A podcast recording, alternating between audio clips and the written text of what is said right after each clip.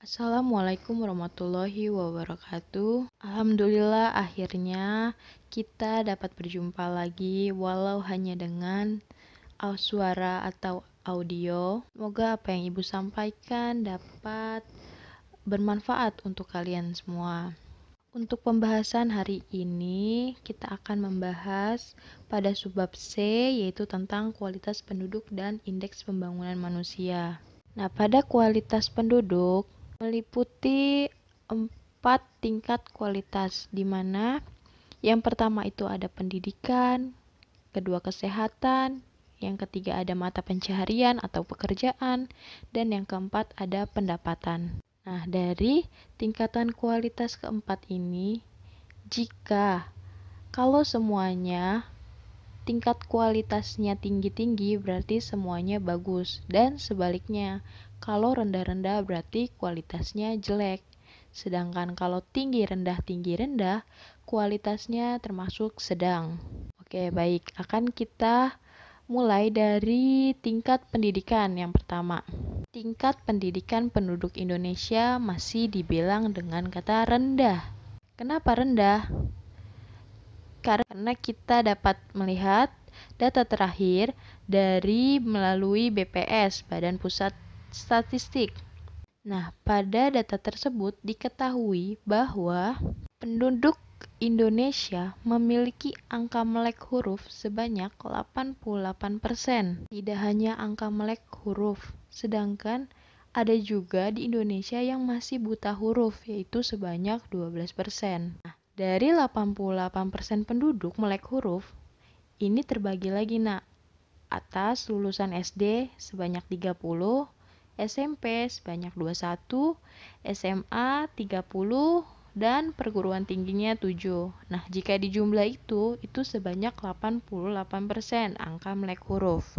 Jika dilihat dari totalnya, maka dikatakan masih terbilang rendah. Bayangkan saja, Indonesia sudah menggalakkan program wajib belajar 9 tahun. Nah, apa artinya? Artinya, anak-anak yang di sekolah negeri itu diwajibkan belajar 9 tahun. 6 tahun SD dan 3 tahun SMP. Dan itu gratis karena dibiayai oleh pemerintah. Nah, kok SMA belum, Bu? Mengapa SMA belum? Karena program di sini Indonesia harus 12 tahun nak kalau di sini. Kita masih 9 dulu, 6 tahun dulu masih wajib belajar, lalu kemudian 9 tahun wajib belajar. Namun pada tahun ini dari 34 provinsi di Indonesia ada beberapa juga yang menggratiskan SPP untuk siswa-siswi SMA, yaitu ada di Provinsi Jawa Timur, Banten, dan Sumatera. Jadi, dengan situasi seperti ini, dikatakan tingkat pendidikannya masih terbilang rendah. Nah, kira-kira faktor apa saja yang menyebabkan tingkat pendidikan rendah? Yang pertama itu ada kesadaran penduduk akan pentingnya pendidikan itu masih terbilang rendah. Bahkan sampai sekarang masih banyak yang beranggapan wanita gak usah sekolah lah tinggi-tinggi, nanti juga di dapur juga ngulek sambal dan yang lain-lain. Yang kedua, pendapatan penduduknya juga masih rendah. Yang ketiga, terakhir, sarana pendidikannya masih rendah. Kalau di kota memang tercukupi, tapi kalau di pedalaman sangat kurang. Kenapa? Dilihat dari fasilitas uh, yang ada tidak memadai dan juga transportasinya yang tidak memadai. Nah, di mana uh, di pendidikan itu benar-benar uh, sangat kurang kalau untuk di pedalaman karena butuh uh, waktu atau jarak yang jauh untuk menempuh ke sekolah dan juga transportasinya kan suka tidak ada apalagi kalau di pedalaman itu kan di hutan-hutan pasti tidak memiliki transportasi seperti di kota. Oke, selanjutnya kita ke tingkat kesehatan penduduk Indonesia juga masih dibilang rendah. Nah, kok bisa dibilang rendah? Apa aja yang bisa menyatakan bahwa tingkat kesehatan penduduk Indonesia itu rendah. Nah, indikator untuk mengetahui suatu negara tersebut memiliki tingkat kesehatan tinggi atau rendahnya dilihat dari angka kematian kasar, banyak. Lalu, angka kematian ibu hamil juga banyak. angka kematian bayi. Sebagian besar itu kematian bayi di Indonesia terjadi pada balita di bawah lima tahun. Kenapa? Karena karena ekonominya sulit, ekonominya juga eh, tinggi untuk membeli susu dan yang lain-lain itu sangat sulit. Lalu yang keempat juga juga ada angka kematian menurut umur. Lalu yang kelima ada angka harapan hidup 65 tahun ke atas atau umur-umur yang non produktif seperti lansia. Nah, pada tingkatan kesehatan juga dipengaruhi oleh beberapa faktor. Salah satunya yaitu makanan dan gizi. Kedua, lingkungannya. Ketiga, fasilitas kesehatannya. Dan keempat, tenaga medis. Untuk makanan dan gizi itu memang kurang tercukupi. Lalu fasilitas kesehatannya juga tidak memadai. Nah, terus tenaga medisnya. Jadi tenaga medis kurang atau sangat terbatas karena jumlahnya itu tak merata. Jumlah penduduk di Indonesia itu tak merata. Di mana tenaga medis itu banyak. Namun eh, namun yang membutuhkan tenaga medis itu lebih banyak lagi seperti itu. Yang ketiga ada mata pencarian atau pekerjaan. Nah, ini juga masih dikatakan rendah, Nak. Apa faktor penyebabnya? Nah, dari bidang pertanian itu tidak balance. Kenapa? Karena mayoritas pertanian pangan, sedangkan minoritas perikanan. Nah, kalau dipikir-pikir, nah ini kan terbalik, nak. Karena wilayah Indonesia saja terdiri dari 2 per 3 lautan. Kekayaan lautannya tuh lebih banyak. Daratannya hanya sepertiga sedangkan laut itu 2 per 3. Harusnya perikanan ini ditingkatkan. Lalu kenapa minoritasnya berada di perikanan? Ya, pasti karena kekurangan modal untuk menjadi nelayan yang canggih karena kan yaitu masih eh, ekonominya masih terbilang rendah. Untuk itu penghasilannya jadi kecil.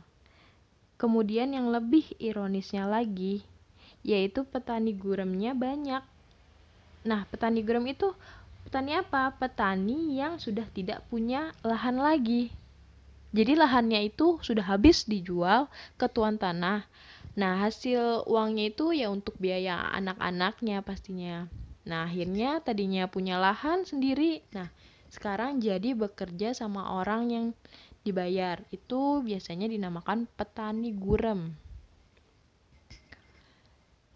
Lalu yang keempat, tenaga kerja kurang terampil. Nah, yang dimaksud tenaga kerja di sini yang muda-muda nak karena yang belum terampil karena kan dia baru makanya belum terampil sedang beda lagi dengan tenaga kerja yang mau pensiun pasti sudah terampil dan gimana dong e, karena dia sudah terampil tapi kan dia sudah mau pensiun untuk itu di sini ditekankan lagi untuk tenaga kerjanya yang muda-muda masih banyak yang belum terampil.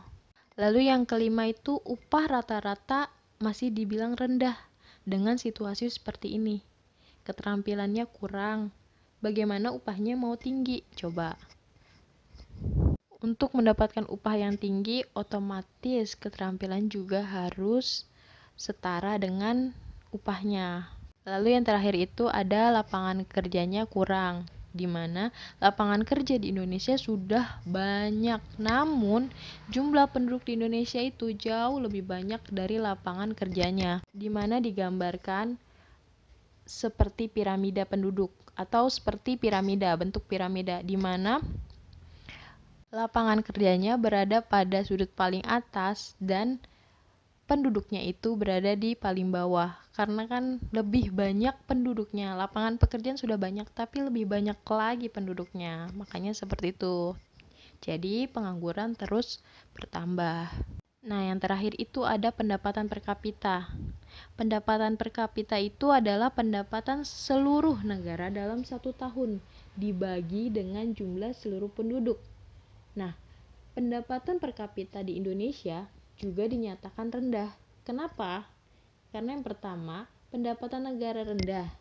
Lalu, karena banyaknya pendapatan kita yang terbuang banyak ke luar negeri. Lalu, pendapatannya sedikit, namun penduduknya juga banyak.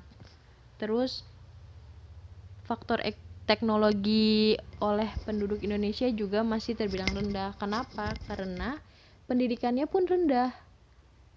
Nah, pendidikannya rendah karena apa? Karena makannya atau gizinya kurang terpenuhi. Seperti itu. Nah, seperti itu penjelasan dari tingkat kualitas penduduk di Indonesia masih terbilang sangat rendah. Nah, nah untuk IPM sendiri yaitu indeks pembangunan manusianya yaitu memiliki empat tujuan yang pokok yang perlu diperhatikan yaitu tentang produktif produktivitas pem, produktivitas, pemerataan, kesinambungan dan pemberdayaan. Nah, sampai sini sudah mulai paham kan uh, tentang kualitas penduduk di Indonesia, terus IPM-nya. Selanjutnya uh, pada halaman 113 yaitu subbab D tentang bonus demografi atau keuntungan demografi dan dampaknya terhadap pembangunan. Nah, menurut BPS, Badan Pusat Statistik, memproyeksikan bahwa jumlah penduduk Indonesia pada tahun 2035 akan berjumlah 305,6 juta jiwa. Indonesia menjadi negara kelima dengan jumlah penduduk terbanyak di dunia, yang sebelumnya berada di urutan keempat. Nah, jadi prediksinya tahun 2035 Indonesia akan naik satu tingkat ke e, peringkat kelima.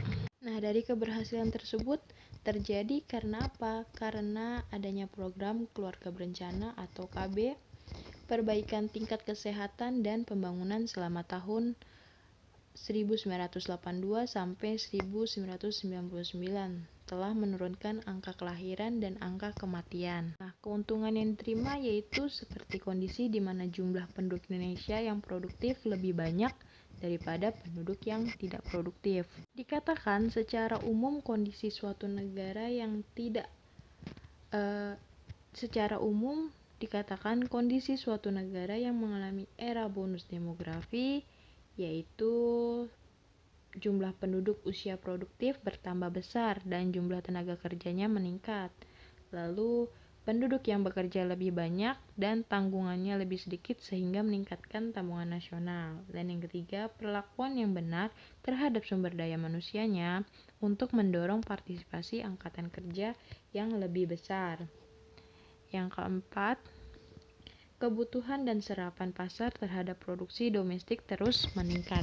Nah, untuk mendapatkan atau menghasilkan uh, bonus demografi itu kondisi demo, bonus demografi tersebut, nah penduduk penduduk itu harus memiliki terampil, keterampilan, bertalenta, inovatif, kreatif, memiliki daya saing dan berkarakter. Maka berbagai upaya itulah yang harus dilakukan untuk mencapai bonus demografi. Nah, untuk menghasilkan penduduk yang terampil, bertalenta, inovatif, kreatif, memiliki daya saing, dan berkarakter, ada banyak berbagai upaya yang harus dilakukan seperti memberikan pelatihan bekerja bagi generasi muda seperti training ya kalau zaman sekarang dibilangnya terus ma agar mampu menciptakan lapangan kerja baru Nah, bila hal itu berhasil, maka bonus demografi mempunyai dampak positifnya. Apa saja? Nah, dampak positifnya itu seperti terbentuknya generasi bangsa, yaitu melimpahnya jumlah penduduk usia produktif. Yang kedua, meningkatnya laju perekonomian di Indonesia. Terus yang ketiga, kehidupan masyarakat di Indonesia juga semakin maju, tertata, dan lebih baik. Yang keempat, perekonomian tumbuh sangat pesat dan siap bersaing dalam dunia internasional. Namun, bila gagal dalam memanfaatkan maka banyak namun bila gagal dalam memanfaatkannya akan mendapat dampak negatif juga. Seperti semakin sempitnya lapangan kerja, terus penganggurannya juga banyak, kemiskinan di mana-mana, timbulnya kawasan-kawasan slum area atau daerah-daerah yang sifatnya kumuh, terus kualitas kesehatannya menurun, ekonomi dan pendidikannya juga dibilang rendah atau buruk. Nah, jadi anak-anak untuk menciptakan Indonesia ini menjadi bonus demografi yaitu harus e, berupaya atau menghasilkan penduduk yang terampil, bertalenta, inovatif, kreatif, dan yang lain-lainnya. Nah, sampai sini ada yang ingin ditanyakan. Jika memang ada yang ingin ditanyakan, bisa langsung chat uh, eh, WA group. Nah, itu adalah mengenai tentang bonus demografi dan dampaknya. Nah, sekarang lanjut ke subbab E yang menjelaskan tentang masalah kependudukan akibat dinamika penduduk. Sebagai negara yang sedang berkembang, Indonesia mengalami berbagai masalah di bidang kependudukannya.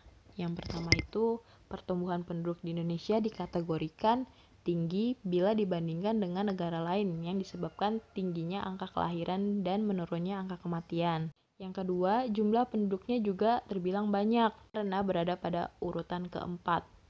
Yang ketiga, penyebaran penduduknya juga tidak merata itu bisa kalian perhatikan pada gambar 5.12 di halaman 115 tentang penyebaran pen kepadatan penduduk Indonesia yang tidak merata. Bisa dilihat petanya.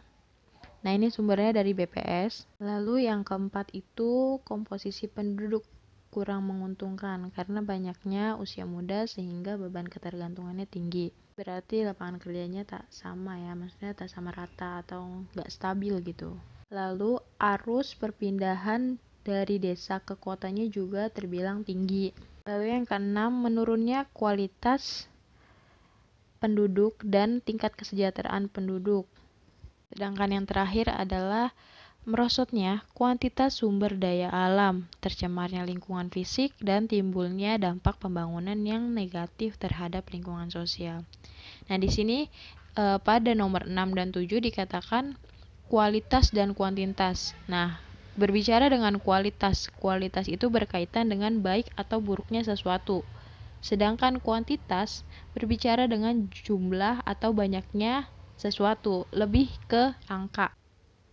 Nah, dari masalah-masalah kependudukan yang tadi sudah Ibu sebutkan, banyak menimbulkan persoalan e, di bidang kesejahteraan, kesehatan, pekerjaan, perumahan, bahkan dalam bidang pangan, di mana pada bidang kesejahteraan, pertambahan penduduk yang besar menghambat usaha peningkatan kemakmuran penduduk. Nah, pada peningkatan kemakmuran itu biasanya ditentukan oleh pendapatan per kapita atau pendapatan nasional bagi semua orang.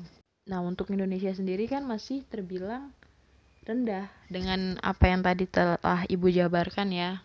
Lalu yang kedua itu ada pada bidang kesehatan pertambahan penduduk menurut pertambahan seperti medis, seperti dokter, bidan, perawat, dan fasilitas kesehatan. Ya, contohnya untuk tahun 2000 diperlukan tenaga dokter sebanyak 21.000 orang, tetapi bila program KB tidak berhasil diperlukan 28.000 orang.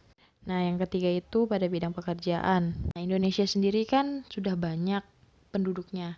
Otomatis harus menambahkan peningkatan lapangan pekerjaan agar um, agar tidak terjadinya pengangguran yang tidak terkendali. Lalu yang keempat itu ada bidang perumahan.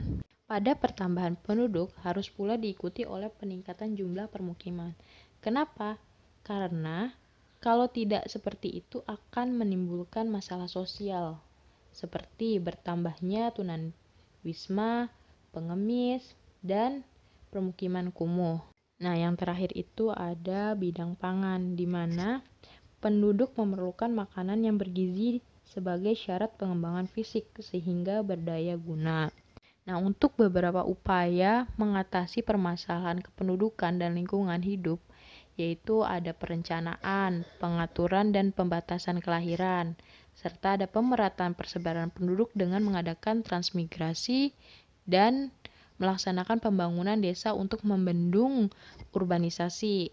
Yang ketiga, perluasan kesempatan kerja, peningkatan fasilitas pendidikan, kesehatan, transportasi, komunikasi, dan perumahan. Nah, yang keempat, penyelenggaraan pendidikan. Seperti contohnya dengan adanya les atau melalui sekolah-sekolah kursus-kursus dan perkumpulan atau komunitas lainnya. Nah, yang kelima itu penerapan intensifikasi dan ekstensifikasi pertanian agar proses produksi pangan dan produksi hasil pertanian juga dapat meningkat. Nah, yang keenam, pengembangan ilmu pengetahuan dan teknologinya juga harus saling keterkaitan dengan lingkungannya. Nah, terus yang ketujuh, perluasan industri yang ketujuh, perluasan industrialisasi baik ringan maupun berat tanpa menimbulkan polusi. Yang terakhir, penggunaan tanah untuk pertanian, pembangunan, dan permukiman yang memerhatikan kelestarian lingkungan agar tidak merugikan kehidupan manusia di sekitarnya. Seperti itu. Nah, dari penjelasan yang sudah Ibu jelaskan ini atau sudah Ibu jabarkan ini, ada yang ingin tanyakan? Jika memang ada yang perlu dan ada yang ingin ditanyakan, bisa langsung menjapri Ibu di WA group. Untuk tugasnya akan Ibu share melalui uh, link di Google Classroom. Oke, sekian pembelajaran hari ini. Uh, semoga bermanfaat Kurang lebihnya ibu mohon maaf. Wabillahi taufik walhidayah. Wassalamualaikum warahmatullahi wabarakatuh. Sampai jumpa.